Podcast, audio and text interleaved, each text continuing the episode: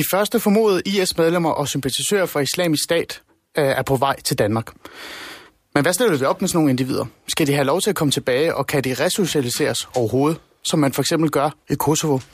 Det skal vi tale om de næste times tid. Jeg har også talt med Jakob Ales advokat, Margrethe Ritsdage, om hans hjemrejse til Danmark. Dem, som ikke kender Jakob Ale, det er det var ham, der delte de øh, billeder i 2014, hvor han selv stod med to afhuggede hoveder. Han sidder lige nu i et udrejsecenter i Tyrkiet og ventes udleveret til Danmark snarest muligt. Lad os tage debatten.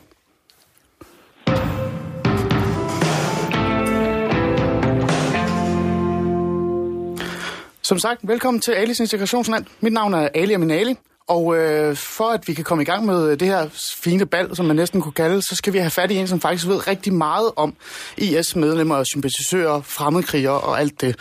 Så velkommen til, Dennis Serinis, forfatter til en håndfuld bøger om islamisk stat og øh, syrienkender, vil jeg kalde det. Tak fordi du var med. Selv tak. Tak fordi jeg måtte være med. Selvfølgelig. Dennis, vi skal jo have en, en lille kort snak om, hvem er det egentlig, der er på vej tilbage til Danmark. Det er jo ikke første gang, vi har den her samtale eller debat om islamisk øh, statskriger eller fremmede krigere eller sympatisører, som er på vej til Danmark. Dem har vi haft utallige gange før. Øh, det nye, øh, vil jeg mene, det er jo, at vi, vi her sidste weekend øh, fik en hjem øh, en pige på 22 år, som øh, siger, hun er uskyldig og, og ikke har været en del af islamisk stat. Det holder hun fast ved. Det skal vi slå fast her. Men, men de er jo begyndt at komme hjem nu, øh, Dennis. Så hvem er det egentlig, der står på vores, øh, på vores trappe, kan man næsten sige? Jamen, det er typisk unge i 20'erne og nogen i 30'erne, som er taget til Syrien fra 2012 til 2017 øh, for at typisk for at, øh, eller typisk er de taget til de områder, som var kontrolleret af islamisk stat eller andre jihadistiske grupper. Øh, det er unge, som er øh, en, en del af fra Aarhus. Der er 159 i alt fra Danmark, som er taget ned siden 2012 til Irak og Syrien, mm. ifølge PET, hvor de 36 af dem er fra Aarhus. Og så har vi en del fra Københavns Vestegn, så ser jeg nogle andre fællestræk, således at dem, der tager ned ofte er enten er i familie med nogen, der tager ned før dem, eller har haft nogle venner i deres omgangskreds, eller folk i omgangskredsen, som har gjort det før dem. Det så man også med hende, som kom hjem i sidste uge. Hun tog det jo ned i 2016, og hendes øh, søster prøvede jo så at tage ned i marts 2017. Hmm. Hvor unge er de egentlig, da de tog afsted? Øh, altså, er, det, er, er der sådan en form for gennemsnitsalder, eller er det meget sådan, ja, bruget? Det er typisk i midten af 20'erne, men der, du har alt fra en fyr i Fredericia, der var 17 år, da han tog ned og blev dræbt, til en mand, som sidder, sidder anholdt i Tyrkiet, som er i 50'erne. Så det er meget forskelligt. Hmm. Nu fortalte jeg om det her med, at de, at øh, de er på vej tilbage, øh, Dennis. Øhm, vi, som jeg sagde, en 22-årig dansk kvinde, hun blev stillet for retten i Glostrup her øh, for nylig, fordi hun som 17-årig rejste til Syrien. Og ja. øh, angiveligt, øh, man ved det jo ikke med sikkerhed, øh, tilslutter sig islamisk stat.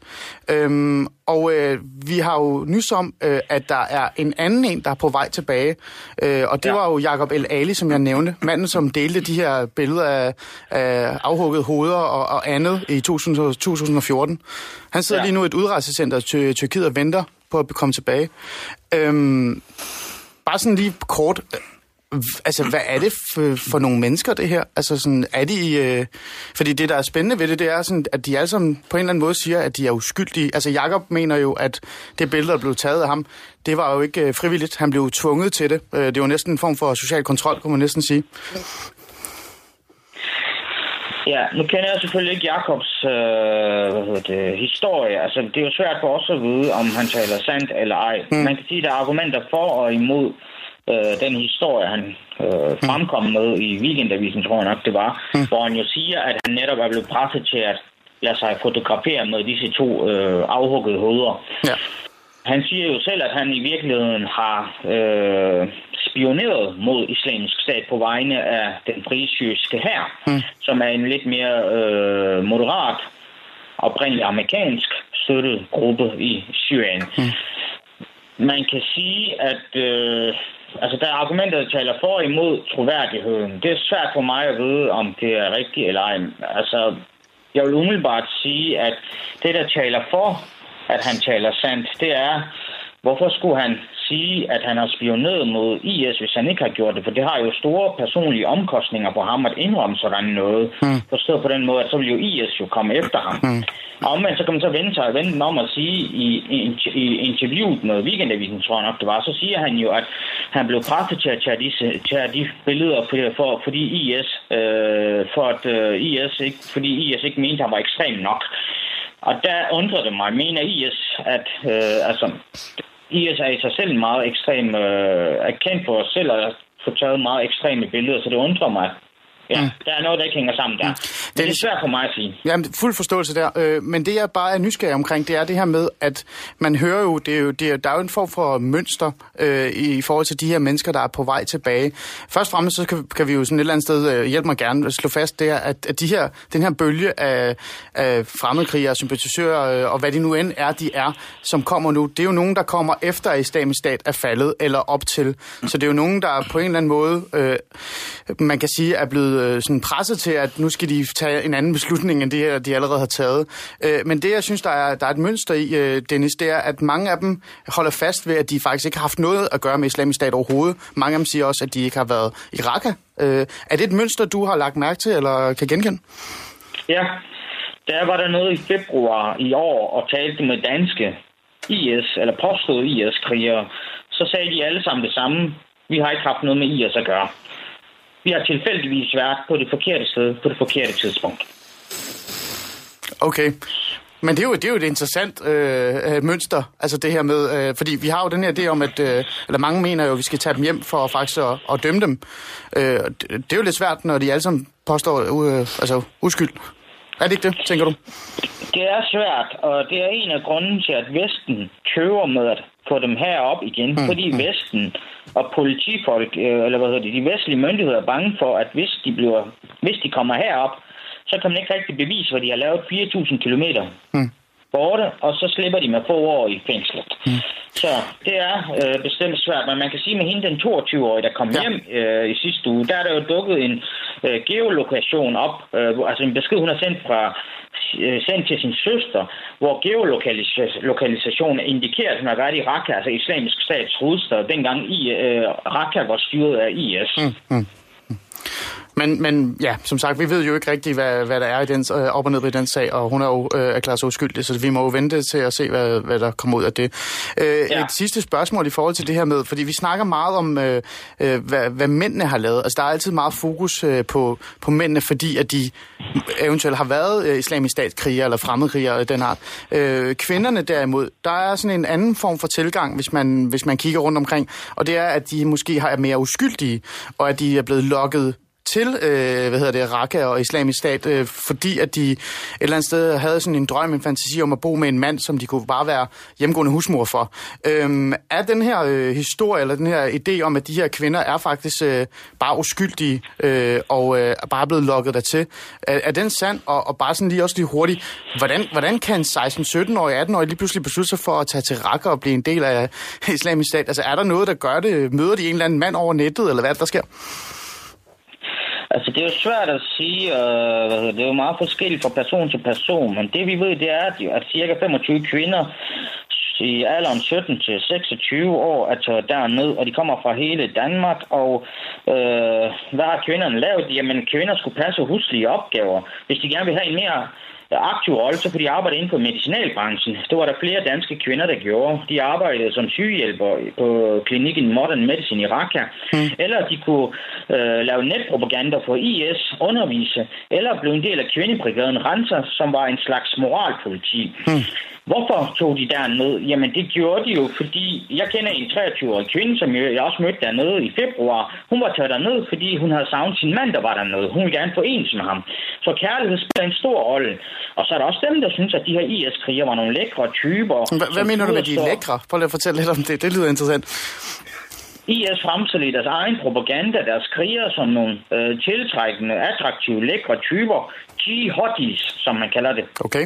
Jihadis som turde stå op mod hele Vesten og Østen og kæmpe for den muslimske verden i deres egen øh, selvforståelse selvfølgelig. Mm. Øh, de blev set som øh, dem, der hævnede Vesten og øh, Assad, altså den syriske præsident Assads overgreb på muslimer. Mm. Så der var også dem, der tog det ned af den grund. Og så var der selvfølgelig også de kvinder, der tog det ned for at støtte IS ved at føde den næste generation af krigere. Okay, interessant. Især det med jihadis, øh, det må vi lige dykke lidt ned på. Dennis, øh, hvor stærkt tror du, de er i deres, øh, altså hvor stærke er de i deres tro på sagen øh, i dag, tænker du? Altså, og det er, jo, det er jo meget, det er et stort spørgsmål at stille dig, men, men øh, grunden til, at jeg gerne vil spørge det, det er jo fordi, at det er jo, altså, islamisk stat er jo faldet. Øh, vi snakker jo igen om en gruppe, der er på vej hjem til Europa, som ikke øh, kommer øh, fordi de tog ned og så fandt ud af, at det ikke var så hyggeligt og så spændende, som, øh, som de nu troede, det var. De kommer jo fordi, at øh, staten er faldet. Så, så hvor stærkt tror du, de er i deres, øh, deres altså, troen på sagen? Der er meget bekendt ikke lavet nogen statistik eller meningsmåling om det der. Men det, jeg oplevede, det var, at de irakiske og syriske kvinder, der nu var fanget eller boede i de her flygtningelejre, som havde været med i IS, de fastholdt. Men dem har du været ude og besøge, er det ikke også rigtigt? Jo, den besøgte jeg i februar. Ja. De forsvarede alt, hvad IS har gjort, inklusive deres voldtægt af øh, den her forfulgte yazidi-minoritet. Mm. Hvorimod de danske og andre europæiske kvinder, jeg besøgte, som blev beskyldt for at have tilsluttet sig IS, benægtede alt. De sagde, at de bare havde været derhjemme og passet huslige opgaver, og de tog afstand fra øh, IS voldtægt og Yazidi øh, mindretal. Men mm. en af kvinderne fra Albertslund, som jeg talte med, mm. hun fastholdt, at hun forsvarede alligevel IS øh, på nogle områder. Jeg spurgte hende for eksempel, hvad siger du til, at IS hugger hånden af 20? Så sagde hun, jamen, det, det, hvad synes du om, at de begår tyveri? Altså, straffen eksisterer for at forebygge tyveri, sagde hun. Mm. Så indirekte forsvarer hun nogle af IS-handlinger. Mm. Dennis, øh, meget kort. Øh, det er et personligt spørgsmål, men nu stiller jeg det. Hvordan har du det med, at øh, typer som Jacob Ali og andre er på vej tilbage til Danmark?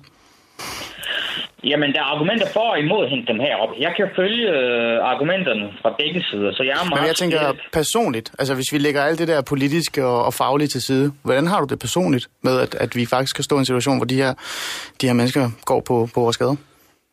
Det ved jeg ikke. Mm. Jeg er simpelthen meget, meget splittet. Jeg kan se argumenterne og fornuften fra begge sider. Mm. Mm.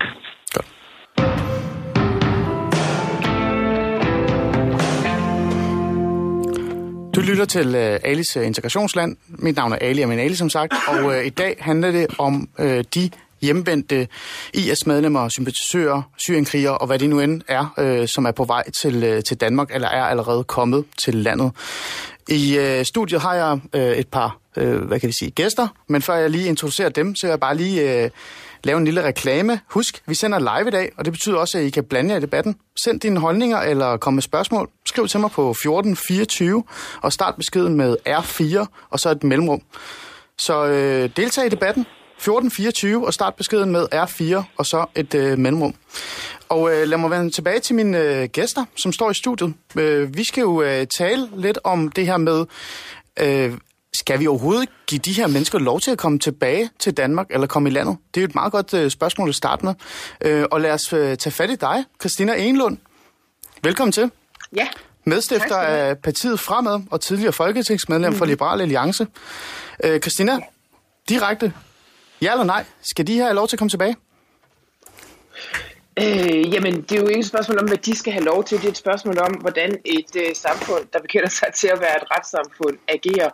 Øh, og, og Danmark er et retssamfund, og det skal vi ved med at gøre og være. Hvis vi har danske statsborgere, som har forbrudt sig mod dansk lovgivning, så skal de straffes, øh, mm. og så skal de få en dommer, og så skal de straffes. Det er jo sådan, man gør, at når Jacob El Ali for eksempel nu øh, sidder i et udrejsecenter nede i Tyrkiet og formentlig kommer til Danmark øh, på et eller andet tidspunkt, øh, så er det jo fordi, at der har været en international arrestordre for ham, fordi at man fra dansk side gerne vil have ham dømt, fordi han har brudt, forbrudt sig mod, formentlig mod øh, terrorgivning.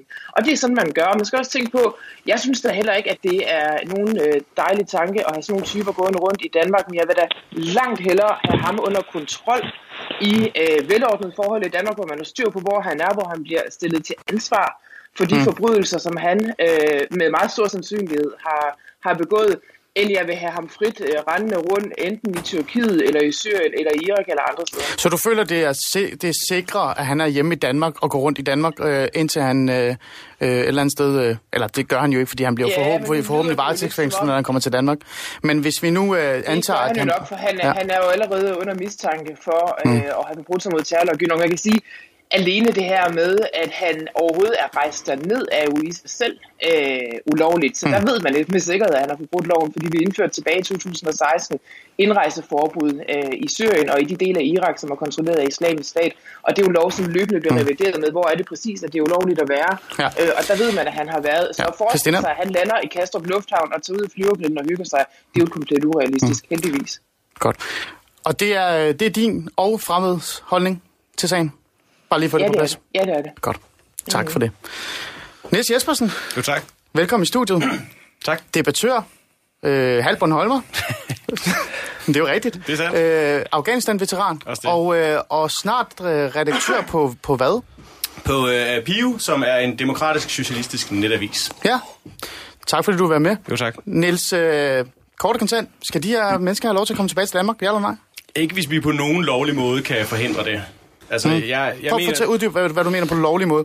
selvfølgelig så skal loven holdes, og, mm. øh, og danske statsborgere skal have de rettigheder, danske statsborgere skal have. Og det mener jeg ikke af hensyn til terroristerne, det mener jeg faktisk af hensyn til os selv, fordi det, det, det er det samfund, vi gerne vil leve i. Mm. Men hvis der er no, de skal heller ikke have en tødel mere end det, at hvis der er noget som helst, vi kan gøre inden for lovens rammer, for at forhindre, at de her mennesker kommer til Danmark, så mener jeg, at man skal gøre det. Interessant. Og hvordan kan man gøre det inden for lovens rammer, tænker du? Ja, det er et godt spørgsmål, men altså, man kunne for eksempel lade være med at prøve at få dem øh, udleveret. Altså, man kan prøve at lægge de hindringer i vejen. Så man skal bare lade dem blive der, hvor de er? Øh, Ja, altså alt, der gør, at de her mennesker ikke kan sætte fod på dansk jord, det, mm. det mener jeg skal afprøves. Mm. Og hvis man kan fratage dem deres statsborgerskab, så synes jeg, det er en fremragende idé. Mm. Christina, du kan, du kan få lov til at sige noget lige om to sekunder. Lad os lige høre øh, den øh, sidste debattør, som også står her og skriver ja, flittigt ned. Ahmed Mahmoud, velkommen Jo. i studiet. Jo, tak. Maskinmester, forfatter. Yes. Øh, hvad tænker du? Ja eller nej? Skal de her mennesker have lov til at komme tilbage? Jamen, det, jeg, jeg er faktisk lidt der, hvor da Dennis sagde, at han er splittet, så er jeg splittet. Så du er fordi, splittet? For, ja, ja, fordi der er øh, den, hvad kan man sige, den følelsesmæssige side i forhold til, retfærdighed skal ske fyldst. Hmm. Og der er sådan lidt, ved du hvad, det er landsforræder, alle sammen. De skal, de skal have den hårdeste straf, hmm. og ja, så skal de være ud... Ja, der har jeg næsten lyst til at sige, skide hul i loven. Hold, Hold op. Køb et eller andet sted, smid dem derover. De skal slet ikke Hvad ind. mener du med Ja. at købe et eller andet sted? Altså sådan Ja. et fysisk øh, Køb sted noget i- jord og byg uh, Alcatraz version 2.0 Danmark. Så de skal have deres eget fængsler. Jamen, jamen prøv at høre, vi- jeg vil gøre alt for at holde dem væk, fordi jeg, jeg har simpelthen, altså jeg har, jeg, jeg er mere bekymret for Danmark og, og danske borgere mm. og, og vores fred øh, til at folk øh, der har taget en beslutning at melde sig ud af samfundet mm. på den måde, mm. øh, kommer tilbage, og vi, tager en, vi løber den risiko, der hedder, at de lige pludselig begår det samme her inden for landets grænser. Men, men det er jo igen det er jo den ene side. Den anden side siger, at vi skal værne om de danske værdier og retsstaten og, og loven, og det her det er også vores ansvar, fordi det er danske borgere. Hmm. Så der bliver vi også nødt til, netop for at værne om de værdier, vi har bygget et samfund på, hmm. øh, bliver vi nødt til at følge loven. Hmm. Og der skal vi gøre alt, hvad vi kan Mahmoud- inden for lovens rammer. Der er jeg hen ved Nielses øh, bane og siger, at vi skal gøre alt, hvad vi kan inden for lovens rammer, så de bliver straffet. Og der har politikerne et kæmpe ansvar. Hmm. Okay. Jamen, det er jo klart talt, det er jo ikke det. det er jo ikke, men, men når de har dansk statsborgerskab, Ja. hvad så? Når de har dansk statsborgerskab, så mener jeg, at man skal se på en løsning, sådan så det er, at vi får, et, får dem i fængsel. Okay, men du vil Øh, gerne og- have dem hjem. Du vil bare ikke aktivt gå ind og hente dem. Hvis, hvis jeg, jeg, vil ikke, jeg vil ikke bruge en Ja. ja. krone på at hente dem selv. Okay. Øh, jeg, vil, jeg vil prøve at holde dem væk fra Danmark, men, men de skal dømmes, og vi skal bruge energi på at prøve at finde så mange beviser som overhovedet muligt, for at de bliver dømt. Okay. For jeg tror også, der er en anden side af det, det er, at hvis de er ude i verden, hmm. så, er det, så er der også en risiko for, at de, jeg ved det ikke, begår terror, også fordi de lige pludselig har givet op på alt og tænker, så kan jeg lige så godt være martyr og bombe mig selv. Hmm. Det synes jeg heller ikke, vi kan være okay. bekendt. Okay. Lad os lige høre øh, faktisk manden, vi taler så meget om. Øh, nu har vi været hele øh, panelet igennem i forhold til, hvad vi mener, om de skal komme hjem eller ej. Så lad os tage fat i øh, til manden selv og, og faktisk lytte til, hvad hans advokat øh, også har sagt. Øh, Mette Grisdage, min kollega øh, og tilrettelægger Jeppe, har talt øh, med Mette. jeg har været syg, syg i hovedet. Du kan sige, at jeg har begået en fejl og endt her. Og så på et tidspunkt, da jeg så kom og siger til nu vil jeg altså gerne hjem. Jeg har fortrudt det, jeg har gjort. Ham, du hører tale her, hedder Jakob El Ali. Han er dansk statsborger og rejste i 2013 til Syrien. Ikke lang tid efter poserede han på flere billeder i sort jihadistuniform for en afhugget hoveder i islamisk stats højborg, Raqqa. Men han havde fortrudt fortalt han Radio 24 i 2018. Han ville hjem. Lige nu der befinder min klient sig i et udrejsecenter i Tyrkiet, hvor han sidder og venter på at øh, blive sendt til Danmark. Mette Dage er forsvar for Jakob El Ali. Når han engang kommer til Danmark, skal han nemlig i retten anklaget for at have tilsluttet sig islamisk stat og kæmpet for. Han er allerede ventet på at blive udleveret i et halvt år. Altså, der er jo udstedt en, øh, en fængslingskendelse af en dansk domstol vedrørende min klient, og øh, han er så langt om længe blevet anholdt nede i Tyrkiet. Nu sidder han så i et udrejsecenter dernede, altså så fængslet dernede. Og så er der jo gået en proces i gang mellem de danske og de tyrkiske myndigheder omkring udlevering af ham. Og det er fuldstændig som det altid sker i, i straffesager, hvor Danmark skal have udleveret en person, der sidder i udlandet, uanset om det er en syrienskrig eller hvad det er. Og man må bare konstatere, at det her med udlevering fra et land til Danmark, det er meget ofte en, øh, en langstrakt proces.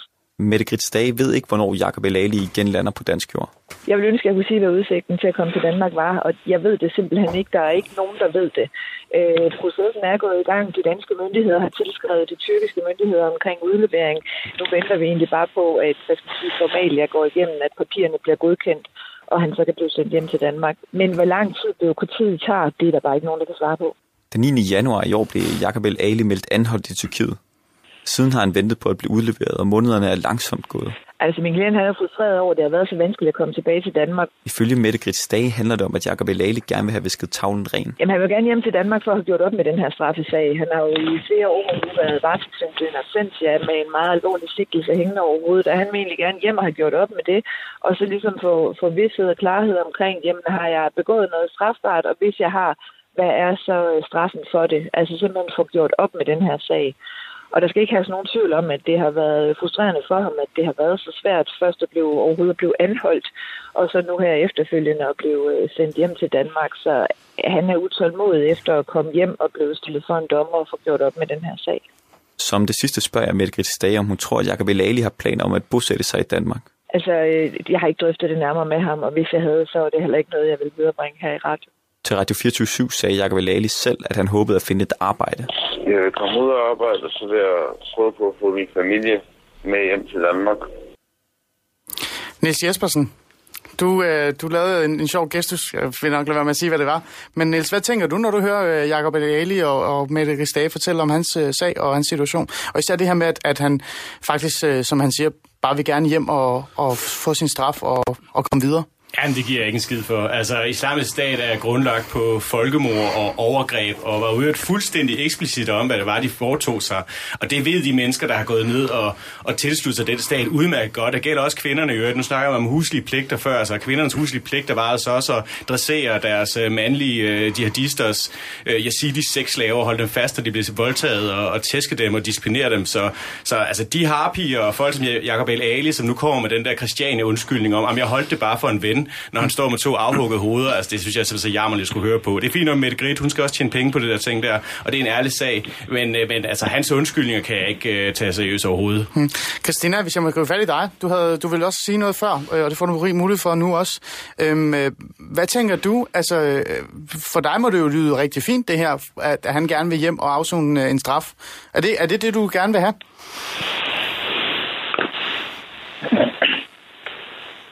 Fuldstændig angre, og nu kan han godt se, at det er forkert, det han har gjort. På vi hørte dig lige, vi hørte dig ikke lige i starten, Christina. Hvad var det på læse igen? Okay. Jeg, siger, jeg, jeg, jeg er enig i det, Niels Jespersen siger i forhold til øh, Jacob Elalis pludselige angre, når nu han, så skal han så være en hjemvendt sønder. Det giver jeg ikke fem flade øre for. Okay. Det lyder også, som om han har en, øh, en naiv idé om, hvad det er, der venter ham i Danmark, hvis han tror, at han kan komme hjem, og så kan han på en eller anden måde øh, tale ud øh, for medierne, og så kan han komme ud og få et arbejde og få et godt liv. Det er jo ikke det, der venter ham. Det, der venter ham, er øh, et retsopgør, hvor man straffer ham for de jo vanvittige øh, forbrydelser, som han har, har været en del af. Og det er det, man skal gøre. Det skal man ikke gøre af hensyn til Jacob El Ali. Øh, jeg tror ikke, der er nogen af os, der, der føler, at vi skylder øh, ham mm. noget. Det skal man gøre, fordi at, at, at, at det, det gør man i et retssamfund. Det er godt for vores retsbevidsthed. Men- men at hvis man har forbrudt sig mod andre mennesker, så skal man i fængsel for det. Det er sådan, vi gør i Danmark. Den anden ting er, prøv at høre, jeg er da meget mere tryg ved, at Ja. ja. han sidder bag lås og slå i Danmark, end at han render rundt øh, nede i Erdogans Tyrkiet, hvor han er i øjeblikket på fri fod. Jeg forstår ikke, og det var der min, min første, øh, første gang, jeg egentlig ville ind i forhold til det, Nick Jespersen siger. Altså, man siger, man skal bare øh, med alt, hvad man kan inden for lovens rammer, sørge for, at han bliver i Tyrkiet øh, eller bliver i Mellemøsten. For det første, så er det ret svært inden for lovens rammer, hvis man stadigvæk vil have en international retsorden. Øh, så det synes jeg godt, at jeg skulle prøve at forklare, hvad det er, han så forestiller sig, at vi bare skal holde forbryderne øh, uden for landets grænser. Øh, for ellers er det lidt let øh, bare at sige det. det Lad os- andet lad os lige spørge- lad os lige spørge Niels så. Der er jo intet som helst. Jamen, Ja. ja. jeg synes, der er to sider af det. Sådan, hvor er juraen i det? Det er den ene ting, og den anden ting er, altså, der er jo intet som helst trygt i at have afhoppet IS-krigere og rendende rundt ganske få tusind kilometer fra vores grænse. Øh, det, det er jeg ikke tryg ved, så det tryggeste men Christina, er jo også, lige at han sidder i et fængsel. Ja, men hvis jeg lige bare sådan må lige udfordre lidt her, fordi at, at den måde, du øh, fremlægger det på, det er jo, at, at vi får dem hjem, og vi får dem dømt, hvis det er, de selvfølgelig har begået en, øh, en gerning, som ikke lige er det, det, vi gerne vil have, det skulle være. Øh, og, altså forbrydelser og alle de andre ting, ikke? de her forfærdelige øh, forbrydelser, der er blevet begået. Men vi kender jo også øh, dansk lov. Vi, altså, det er jo ikke, fordi vi sådan er særlig øh, altså, øh, rystet til det i virkeligheden. Vi, øh, vi er jo rimelig stolte af vores øh, øh, hvad hedder det, rets... Øh, ja, helt, helt den del, øh, fordi vi sådan, øh, går rigtig meget op i, at der skal være en masse beviser, og tingene skal være på plads, og folk skal ikke øh, dømmes og, og altså være uskyldige og alt det her. Så, så er vores øh, lovgivning og vores øh, retssystem overhovedet egnet til at tage imod de her øh, Syrien øh, sympatisører eller andet, fordi at øh, hvor skal beviserne egentlig komme fra til at dømme dem, Christina? Mm. Ja, det vil jeg mene, det er. For det første, så er det jo ikke... Så vi skal ikke lave noget om sag. overhovedet, øh, lovmæssigt? Altså, hvis, hvis det viser sig, at man kommer i problemer med at få dømt for eksempel Jacob El Ali, det har jeg meget svært ved at forestille mig. Lad os nu bare lege den hypotese, at vi kommer i problemer med at få ham dømt. Så må man kigge på terrorparagrafen, men den har vi jo sådan set udvidet løbende helt tilbage fra 2001 og frem. Vi har en ret omfattende terrorparagraf i Danmark, mm. altså straffelovens paragraf 114. og som Så du stoler på, at vi kan få dem I, dømt? I dag, i, dag, ja, det gør jeg. Man kan også se, at altså, Danmark er kommet lidt langsomt i gang i forhold til de her retssager. Norge for eksempel er godt i gang, også med at dømme dem, som du var inde på til at finde, nemlig de her IS-husmødre. Øh, og, øh, og det er altså det er ulovligt bare at rejse derned. Øh, det er ulovligt at tilslutte sig islamisk stat. Og der kan man sige, den måde, at islamisk stat jo faktisk er temmelig avanceret på nettet, og deres digitale kommunikation er jo en kæmpe hjælp i forhold til de her retssager, fordi man faktisk har temmelig hæftigt bevismateriale for, hvad der er sket. Plus at der jo i takt med, at islamisk stat regimet falder fra hinanden, øh, jo flyder med lækkede øh, dokumenter, som kommer fremmede efterretningstjenester til gode. Hmm. Ahmed Mahmoud, vi talte øh, om det før øh, i forhold til det her med, at øh, du vil jo også gerne have, at de kommer hjem til Danmark og bliver dømt. Øh, Ja. Sådan cirka, hvis Ja. du ikke kan komme af med dem. Ja. Øh, og Niels, du skal have lov til at svare på det her øh, lige om lidt. Øh, men du talte om, at øh, du har jo næsten samme tilgang som Christina. Du regner med, at hvis de kommer til landet, så kan vi også bevise, at de, øh, at de øh, har begået øh, de her forfærdeligheder. Men du nævnte, at der skulle være øh, en anden form for tilgang. Altså en anden øh, pakke måske endda for de her syrienkrigere. Ja, ja, jeg synes helt klart, at man skal kigge på øh, både lovgivningen for at sikre, at vi 100% kan dømme dem for det, de har gjort, og hvis vi ikke kan, så skal politikerne i arbejdstøjet og sørge for at lave om på lovgivningen. Mm. Øh, det næste er, når de så er dømt, det er også for, altså, jeg, kommer, jeg har set, hvordan de danske fængsler er. Jeg har Ja, en, for det talte vi jeg-. Prøv lige at fortælle, ja. hvordan- hvad, hvad, hvad, hvad Altså, det var, du jeg, jeg, har jo, jeg, er jo, jeg er jo vokset op med, med, med tre brødre, der alle tre desværre har været inde og sidde. Øhm, og der må jeg alt indrømme, jeg var, jeg, var, jeg var jo dybt forarvet, og når vi dømmer i Danmark, øh, dømmer mennesker for det, de har gjort, så bliver vi jo også, så en del af dommen, det er jo også, at offrene får en følelse af, at retfærdigheden har fundet, at retfærdigheden er sket fyldt. Okay. Og det, og det er der, altså, når man ser de danske fængsler, mm. øh, og især åbne fængsler og sådan noget der, det er bare ikke der, hvor jeg ser, at de her mennesker hører til. Mm. Og jeg vil ikke føle, at når de har fået, hvad, fem år max sikkert, eller et eller andet, at, at det, det er nok. Men tror du, tror du på, at loven er, altså, at vi har øh, den rigtige lovgivning til at hvad, faktisk at dømme de her mennesker? Fordi der skal jo stærke beviser. Christina siger, at at islamisk stat øh, har virkelig sådan haft en masse sådan, hvad kan vi sige, propaganda på nettet. De har taget billeder, der er en masse materiale. Øh, så vidt jeg ved, så hvis du faktisk skulle være en del af islamisk stat, eller bare del, bo i Raqqa, så skulle du faktisk have sådan en tilmeldingsblanket. Du havde faktisk indmeldelsesblanketter, hvor du skrev dit CPR-nummer og det hele. Så, så de beviser er der.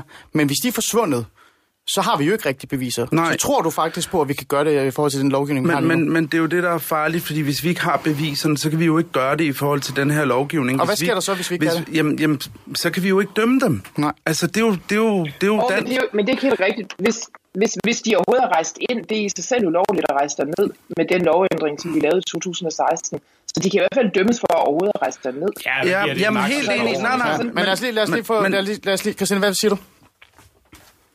Altså for det første, strafferammen øh, for landsforræderi er livstid i fængsel. Øh, og det vil det også være. Men det er jo også sådan, den voldsomste dom, er det ikke det, løb, Så vil jeg da helst... Jo, jo, det er det. Øh, men jeg har det også sådan, hvis jeg bare altså, skal lade følelserne tale, så vil jeg helst, at de øh, spærres ind i et eller andet grotte øh, og aldrig kommer ud igen. Men sådan fungerer verden. Øh, ikke vi er nødt til at operere inden for de, inden for de værktøjer, vi har. Øh, og, og vi har, altså det er ulovligt at lave kaffe til islamisk stat. Det må man ikke, så kommer man i fængsel, og sådan skal det også være. Hmm. Niels, du nævner. Men de her mennesker bliver jo ikke dømt for landsforræderi, fordi islamisk stat har vi ikke anerkendt som stat, så det, de er jo ikke tilsluttet som en fremmed stat. De har tilsluttet, hvad der svarer til en eller anden sadistisk rockergruppe eller sådan ting der. Ja. Øh, og, og jeg synes, altså, jeg synes ikke, at Jacob er naiv, fordi altså, hvad er det, han står til? Øh, han kan komme hjem, og så kan han hvad, måske få et par år for at tage ned, så kan han få et par år mm. for usømmelig omgang med lige eller et eller andet. Det er overhovedet ikke rigtigt, når Christina siger, at der er masser af beviser. Det er jo noget, du slås med alle steder i Europa. Det er jo for de her mennesker dømt. Øh, det, det kan man ikke, og rigtig mange af de beviser, der så er, jamen, det er noget efterretningstjenester har, har indhentet, som er klassificeret, som man ikke kan bruge i en retssag, fordi at, øh, så afslører du kilder, du har haft. Så det er ekstremt svært få de her mennesker dømt. Så selv hvis du får ham hjem, selv hvis du får ham bag træmmer, jamen, så står han måske til 3-4 år, og hvad så når han kommer ud? Altså han er jo stadig ung, han er jo stadig radikaliseret. Man kunne se mange af de islamistiske terrorangreb, der ramte Europa i 90'erne, de kom fra gamle Afghanistan-veteraner, altså ikke, ikke sådan som mig, men, øh, men øh, dem, dem fra, fra det andet hold, kan man sige. Ikke? Jo. Øh, og, og jeg synes heller ikke, Men det er kan- optimalt, jamen, jeg, jeg lad os synes ikke, det er optimalt, at, at sådan en mand skal løbe frit rundt i, Sy- i Tyrkiet eller Syrien eller nogen som helst andre steder. Men har jeg valget mellem, at det er tilfældet, eller hive ham hjem til afsoning i Danmark, hvor han måske kun kan få et par år, og så er han løsladt igen, så vil jeg hellere have, at han løber rundt i Syrien eller Tyrkiet. Men det bedste ville det være, hvis vi tog de syriske kurdere, øh, som faktisk er nogle af de sådan, mest fornuftige dernede, og så hjalp vi dem med at opbygge et øh, retssystem, så hjalp vi dem med at opbygge nogle fængsler, og så gav vi den person, øh, så gav vi Jakob til dem og sagde, jamen tag lige og få retsforfulgt ham her i alle lederkanter først, og så kan vi tage snakken om, at han skal hjem til Danmark bagefter. Hvad tænker du om det. Christina?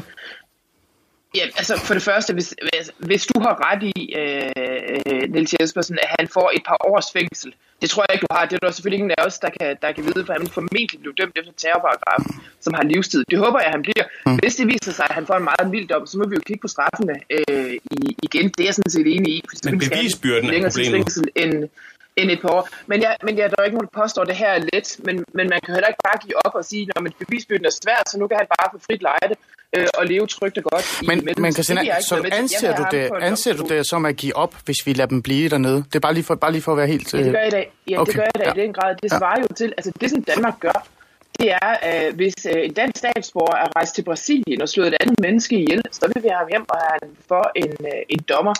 Øh, det er sådan, man gør, det er, så- og sådan skal vi behandle forbrydere. Jeg har ingen som helst tiltro til, at øh, Erdogans Tyrkiet eller den meget øh, skrøbelige situation, der er i Nordsyrien, hvor, øh, hvor det er kurderne, som forsøger at have kontrol over situationen, og er meget stærkt udfordret, for meget lidt hjælp fra Vesten, øh, at, man, øh, at man ligesom bare skal overlade det til, til dem, at så er det deres problem. Øh, så, så jeg er da bange for, at hvis, man, øh, at hvis man lader ham være dernede, så kan han jo bytte sig til et, øh, et fint liv, og det synes jeg ikke, han, han har fortjent. Men så er der en ting, som jeg er enig i, som Niels Jespersen siger, nemlig det bedste ville være, altså det ideelle ville jo være, hvis man i samarbejde med de syriske kurder kunne oprette en, øh, en krigsforbrydertribunal, så man kunne få dem dømt dernede, få et fængsel dernede, hvor de kunne afzone dernede. Helt fint. Det synes jeg er en rigtig god idé. Desværre Okay. har det bare lange udsigter, og i mellemtiden er vi nødt til at, at, forholde os til de her meget, meget farlige mennesker, hvor nogle af dem er danske statsborgere, og sørge for, at de kommer bag lås og slå. Du lytter til øh, Alice Integrationsland. Vi er godt i gang i debatten om, øh, hvad vi skal gøre med de her øh, sympatisører, IS-kriger og, og, og videre, øh, som muligvis er på vej til, Danmark. Og muligvis så siger jeg at det, fordi at der er nok flere på vej. Allerede nu har vi en, der er vendt tilbage, og der er også en på vej tilbage.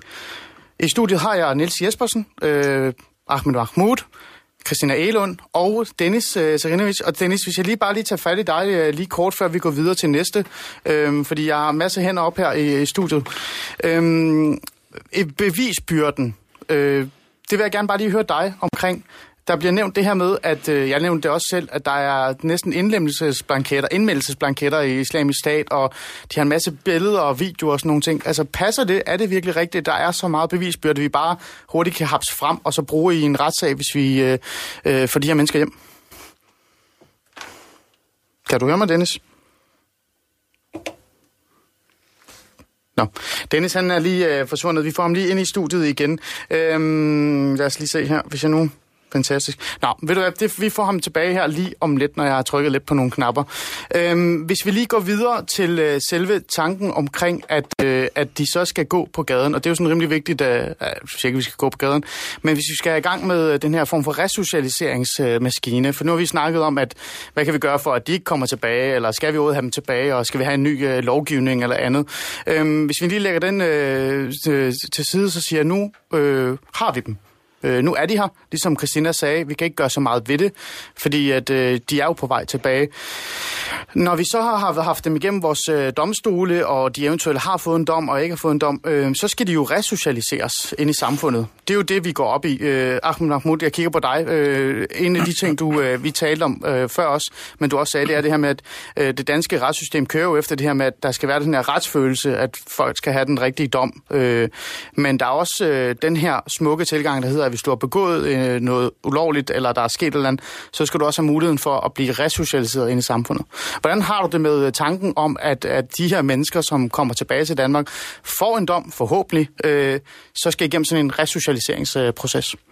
Men det er jo det, der, det, det er faktisk det, der bekymrer mig allermest, øh, fordi okay. de alle sammen har næsten samme øh, udlægning af, hvad der er sket. At de ikke har været der, eller de blev, som du brugte ordet, social kontrol, ja. øh, om, om det billede, hvor han står med de der afhuggede hoveder. Mm. Øh, når man så kigger på billedet, så står han og smiler og peger med den ene finger op mod himlen. Øh, og når de har det, så, er det jo, så, så har vi jo allerede en udfordring der i forhold til, at, at de, de, de tager ikke engang ansvar for det, de har gjort. Mm. Så jeg er bange for, at det er sådan nogle tikkende bomber. Og mm. kan, man, kan man resocialisere det? det? Det ved jeg ikke, men, men jeg ved bare, at hvis jeg som borger, øh, som dansker, øh, har den bekymring, så, så vi er ude i, for at jeg skal føle mig tryg, så er det sådan en uendelig behandlingsdom, der først udløber, når alle eksperterne siger god for personen, og personen skal være øh, lukket i isolation på et eller andet mm. fængsel, hvor de ikke kommer ud. Mm. Og det jeg ved godt, altså det kommer jo ikke til at hænge sammen, fordi du kan jo ikke vende dem til samfundet, det normale samfund derude, samtidig holde dem fra det.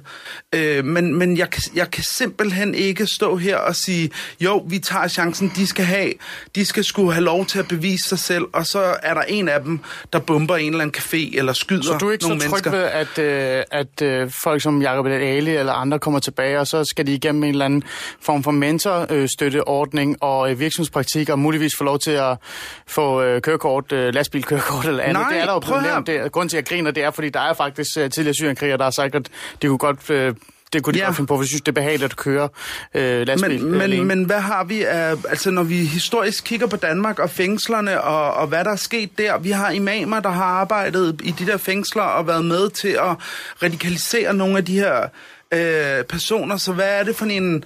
Du ved, hmm. hvilken resocialisering øh, er det, vi, øh, ja. vi, vi vil give dem? Hmm. Hvordan skal det ske? Og mm. jeg, jeg vil bare holde dem væk fra gaden. Mm. Altså, jeg, jeg, jeg har sådan lidt... Står du, Ahmed Mahmoud, og siger, at du næsten er lidt borgerlig, du vil faktisk gerne have højere straf? Øh, det har jeg altid. Og mindre det, det, resocialisering. har jeg, jo- det har jeg jo faktisk i, i den her situation, fordi det er noget, vi ikke er vant til. Det her, det er ikke almindelig kriminalitet. Det er ikke bare en, der har prøvet at stjæle en punkt eller overfaldet eller noget. Okay. Det her, det er landsforræderi, og det er afhugget hoveder, vi taler om, og det er voldtægt, og det er et forsøg på at udrydde en befolkning, yazidierne. Altså, det, vi, Der, jeg, jeg, jeg andet. kan sim- jamen, det er noget andet, og derfor skal man kigge på lovgivningen og sige, prøv at vi, vi, jeg tror ikke på, at den danske lov er klar på at dømme de her mennesker.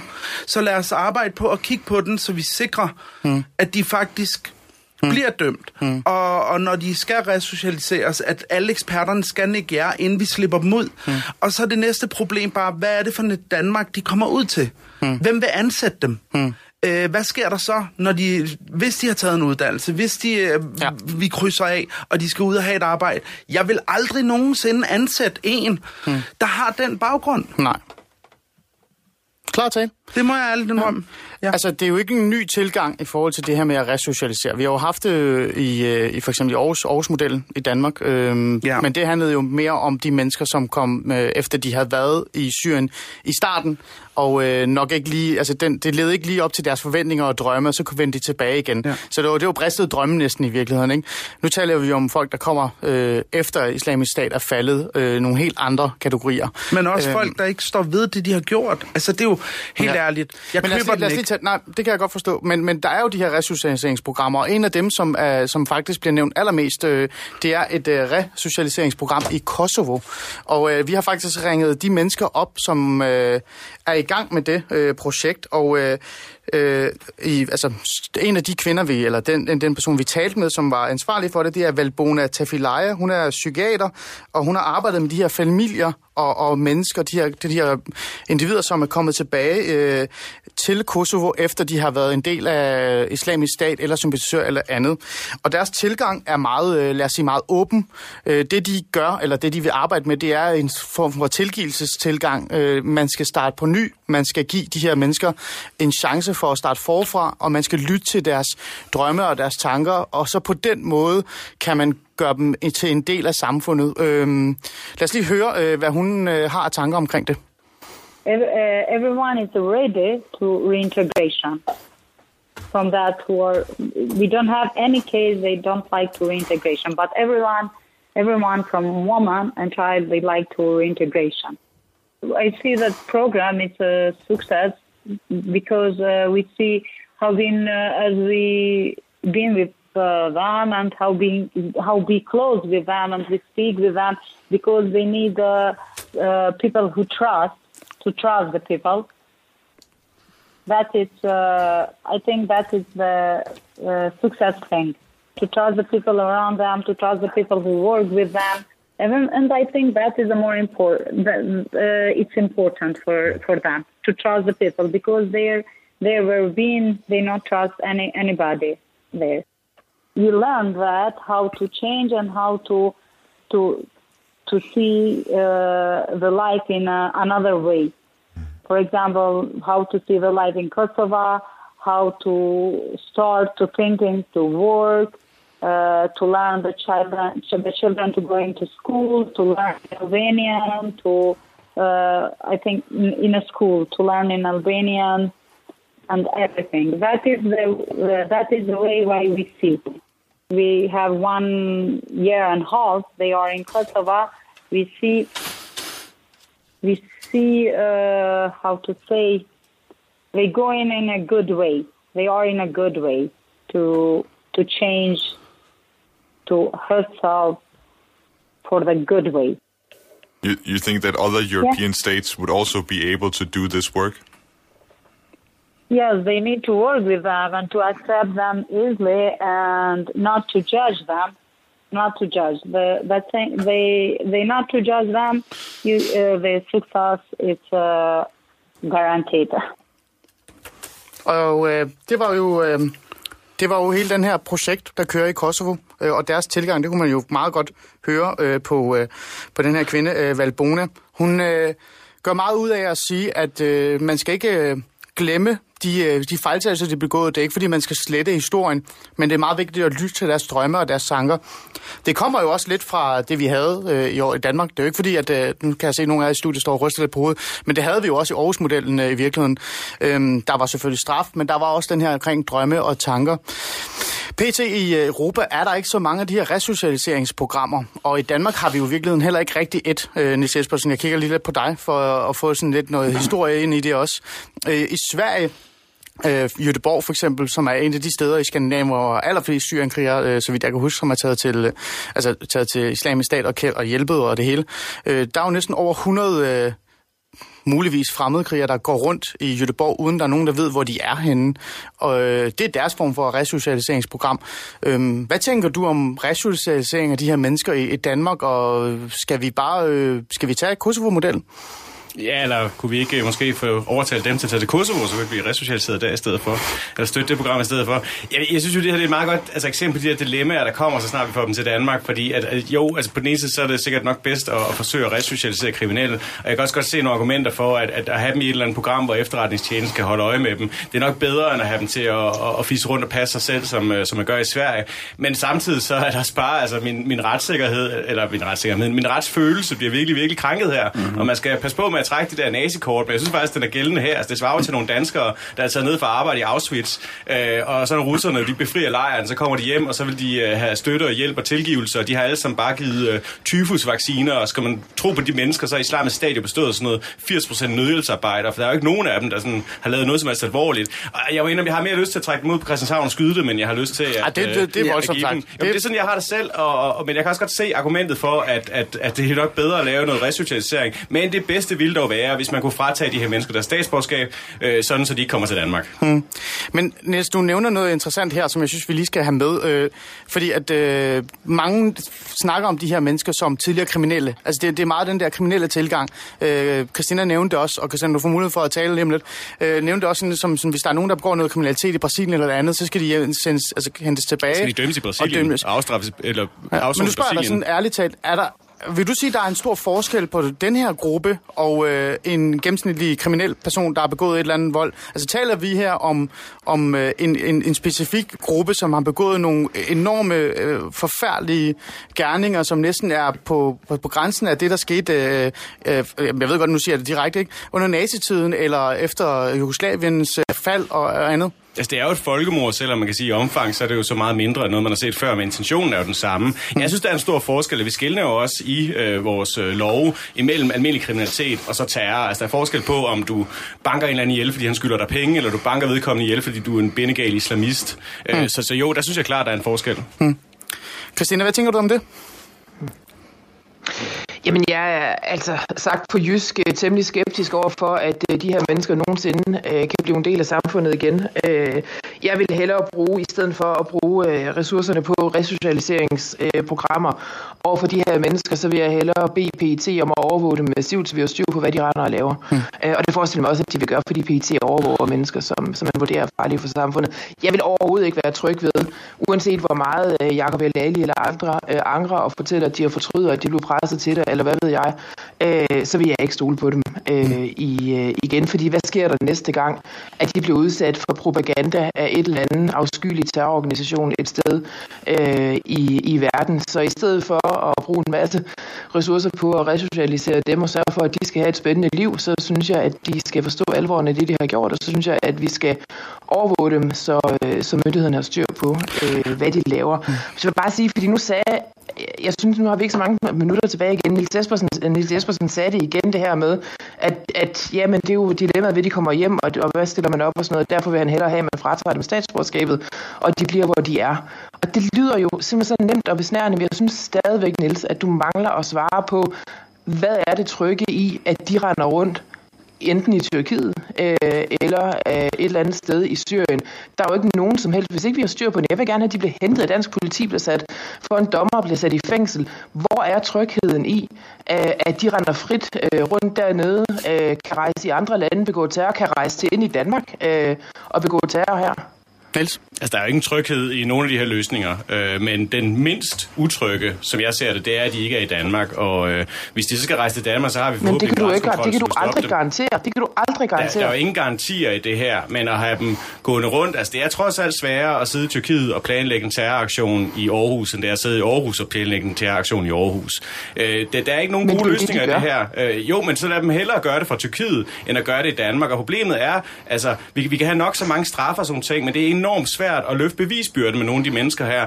Og, og mit bud er som lægmand, at de her mennesker kommer til at få nogle ret korte straffe, og så kan du så sige, så vi så sikkerhed i den tid, de så boede inde, at det er jo så i øvrigt ikke, fordi man ikke kan sidde i danske fængsler og blive radikaliseret, og i øvrigt radikalisere andre. Men, men hvad så, sker der så, når de bliver lukket ud efterfølgende? Så har vi ikke styr på dem længere. Så synes jeg, det er bedre at holde dem væk. Altså, hvis du kan fratage de her mennesker statsborgerskab, så de ikke kan komme ind i Danmark, så de ikke har dansk, så de ikke har dansk pas, det vil da klart være at foretrække. Hmm. Det kan du gøre ved dem, der har dobbelt statsborgerskab, men det kan du gøre ved dem, der for eksempel kun har dansk er statsborgerskab. Men- og jeg men- ved godt, altså, det er en svær situation, det er jeg enig med, men man er nødt til at forholde sig til realiteterne, sådan som de er. Og realiteten er, hvis vi har Uh, altså hvis vi har dem uh, rendende rundt et eller andet sted nede på grænselandet mellem uh, Tyrkiet og, og Syrien, så har vi trods alt mindre styr på, at de ikke begår terror mod os, end hvis vi har dem under uh, PET-overvågning herhjemme. Eller sådan Men prøv, prøv at vende en logik om. Skulle vi så tage uh, tømme med fængslerne, eller tage alle de terrorister, der ikke har dansk statsborger- statsborgerskab, og sige, at det er bedre, at de sidder i dansk fængsel, er i, er i Danmark, end at de løber rundt nede i Mellemøsten. Altså, det giver jo heller ikke nogen mening. Ej, men, ej, men det er jo et absurd argument. Altså, fordelingen er jo sådan, at, øh, at de enkelte lande tager sig af de kriminelle borgere, vi har. Og, det, og der er der jo andre lande, som løfter deres del af ansvaret for den her kæmpe sikkerhedstrussel, som det jo er, at have øh, nuværende og tidligere syrienskrigere rende rundt øh, dernede. Altså, øh, Frankrig løfter et stort ansvar, Tyskland løfter et ansvar, Norge løfter Frankrig et ansvar i forhold til at få de her mennesker buret ind og, og straffet, og det skal vi også gøre i dem. Og det gør vi jo, og Christina, det gør vi lige jo også noget? Christina, vil du, mm. Vil du gå med til at hæve straffen for den her form for kriminalitet, eller for den her gruppe? Altså lave sådan en form for, øh, Ahmed Mahmoud har nævnt det, sådan en anden form for øh, bandepakke af en art, men Syrienpakke. Vil du gå med til det? Vil du være med yes. til at støtte op omkring det? Det vil du? Helt sikkert. Godt. Helt Men så sikkert. stiller jeg mig det spørgsmål. Absolut. Altså, altså straffera- strafferammen for terrorparagrafen i dag er livstid. Hvis man kan sikre sig, at de kommer i et fængsel og aldrig kommer ud igen, så er jeg helt sikkert med på det. Jamen, og hvad så, hvis det er, at de ikke får den? Altså, hvis de ikke får den, fordi så, så bliver jeg nødt til at spørge dig om det her, fordi det, det er jo sådan, igen, du, du trækker altid den, den hårdeste straf op. Hvis de får 5 år, 6 år, 8 år, skal de så ud og have virksomhedspraktik og mentorstøtte, og øh, bare blive, eller skal de have en eller anden førtidspension et eller andet sted, og så skal PT overvåge dem 24-7? Det bliver meget, meget dyrt for samfundet, i hvert fald, hvis det er, de skal en eller anden have en øh, syrien syren automatik øh, øh, førtidspension. Hvad tænker du der? Jamen jeg tænker, for det første, så synes jeg, jeg tænker, at de skal sidde i fængsel øh, i resten af deres Men liv. hvis de kommer det er ud, der ingen, der Christina, der har det er det, jeg prøver at sige. Hvis det de der ikke får nogen, den der her også har straf- indflydelse på. Nej. Det har, det har, øh, det har domstolene. Så skal de jo så sidde inde så længe, som, øh, som vi overhovedet kan, kan slippe afsted med. Det er jo sådan, at hvis mennesker vurderes at være til fare for samfundet, og det vil jeg tro, at for eksempel... Jacob Men hvis man ikke kan El-Ali, bevise altså det, Christina, det er det, jeg prøver at finde ud af. Det det, at det vil hvad vil du, hvad vil du prøve, hvis de, man ikke kan bevise, og man ikke kan slå ned på dem med den hårdeste straf, for dem er jeg jo enige i, begge to, mm. så står de jo til mm. meget få år, ligesom Niels Jespersen siger, og Ahmed Mahmoud har sagt. Mm. Skal de så resocialiseres? Ahmed, Ahmed, du har hånden op, du får den lige om lidt. Skal de så resocialiseres på den måde, at de skal have virksomhedspraktikker og blive slusset ind i samfundet? Nej. Eller skal de have sådan en eller anden form for øh, førtidspension af en art, og så skal PET og politiet og alle de andre overvåge dem 24-7? Jamen altså, i, i det bedste af alle verdener, så skal de sidde i fængsel øh, indtil, at de, at de skal herfra. Hvis det ikke kan lade sig, hvis det ikke kan lade sig gøre, Okay, jeg er meget godt. fint med på at hæve straffen, Godt. selvom det i forvejen er Super. livstid. Jeg forestiller mig ikke, prøv at høre, jeg sidder oppe i min forældres virksomhed oppe i Nordjylland i dag, som også er mennesker Ja. ansat. Jeg kunne aldrig drømme om at sige, at jeg synes, vi skal ansætte Så du vil ikke ansætte sådan en her? Som tror jeg, alle andre virksomheder også har det. Okay. De skal jo i det omfang, de overhovedet kan forsørge sig selv, men man må også bare indse, dem her, de har gjort sig selv til en kæmpe byrde for samfundet, og vores vigtigste opgave er at sørge for, at de er så lidt farlige for os som overhovedet muligt. Okay. Så de skal jo formentlig Yes. overvåges af PET, Godt. indtil de skal herfra. Ja, Ahmed Mahmoud. Det er, jo der, det er jo der problemet er, når vi taler om, øh, at der er en udfordring, en lovgivningsmæssig udfordring. Hmm. Fordi hvis vi skal dømme dem, og, vi så, og, og der er en, en strafferamme, og den værste er livstid, og så er der måske et til to år. Øh, nå, så kom der lyd på. Ja, jeg ved ikke, jeg skal- Øhm, så synes jeg faktisk, at det skal laves om. det skal laves om, sådan så hvis du bare, altså hvis du bare har købt en billet til at komme derned, mm. og vi kan bevise det, så er det livstid. Jeg, vil- jeg, og og jeg, det lyder ekstremt, men det er der, hvor jeg, altså, hvor jeg står følelsesmæssigt lige nu. Jeg vil ikke have dem ud i samfundet. Okay. Hvis du så meget, hende, hende den øh, 22-årige, hvor Ja. man kan se, hun har sendt en sms, hvor- hun så har været i Raqqa, det skal være nok til at give en livstid. Hmm. Og så er der nogen, der må synes, det er ekstremt. Ved du hvad, jeg er ligeglad. Mit ansvar og, og, og min, hvad kan man sige, det jeg vil sørge for, der er sikkert, det er vores land, det er Danmark. Niels, du havde hånden op i før. Men det er jeg enig i, og det er jo sådan, Kom. og det er jo sådan set Ja. også sådan lovgivning er i dag. Altså bliver man dømt, det er man dømt for terrorparagrafen, og det er også at bakke op om, altså det betyder ikke kun, at man har været som kriger, det er også at bakke op om islamisk stat. Bliver man dømt for den, så er der en strafferamme, der Ja. livstid, Niels? og jeg er enig i, at det er den, de skal have. Ja, Niels. Ja, men det kommer jo så an på, hvilken forbrydelse man har begået. Og igen, det er det der er problemet, det er, at det er ekstremt svært at bevise de her forbrydelser. Jeg vil lige sige, i forhold til at rejse ud, der er også folk, der er taget ned for eksempel for at slås øh, for de syriske kurder, blandt andet øh, Tommy, øh, som også har været her i studiet på et tidspunkt. Ja. Øh, og dem mener jeg ikke, man skal straffe. Ahmed Mahmoud. Men, men det er jo, altså nu, vi skal jo selvfølgelig behandle hver sag for sig selv øh, og vurdere, hvorfor de har været der. Men jeg mener, det er maksstraffen, der skal falde. Hmm. Der skal ikke være et spektre, der hedder et år til, til livstid. Okay. Det skal bare hedde livstid. Okay. Det må være de sidste ord i debatten. Jeg tror ikke, vi blev så enige øh, om, om de skulle resocialiseres eller ej, men, øh, men i hvert fald tanken om, at vi bare skal tilgive dem og øh, give dem lov til at bare blive en del af samfundet i morgen, det var ikke noget, vi alle kunne øh, være med på. Så med de ord vil jeg bare sige tak, fordi I lyttede med alle sammen, og øh, tak, fordi I øh, var interesseret i debatten. Husk at gå ind på øh, Facebook-siden øh, Radio 4 og skrive jeres øh, tanker og øh, kommentarer til programmet, og så håber jeg bare, I lytter med øh, næste tirsdag 11.05. Tak for det.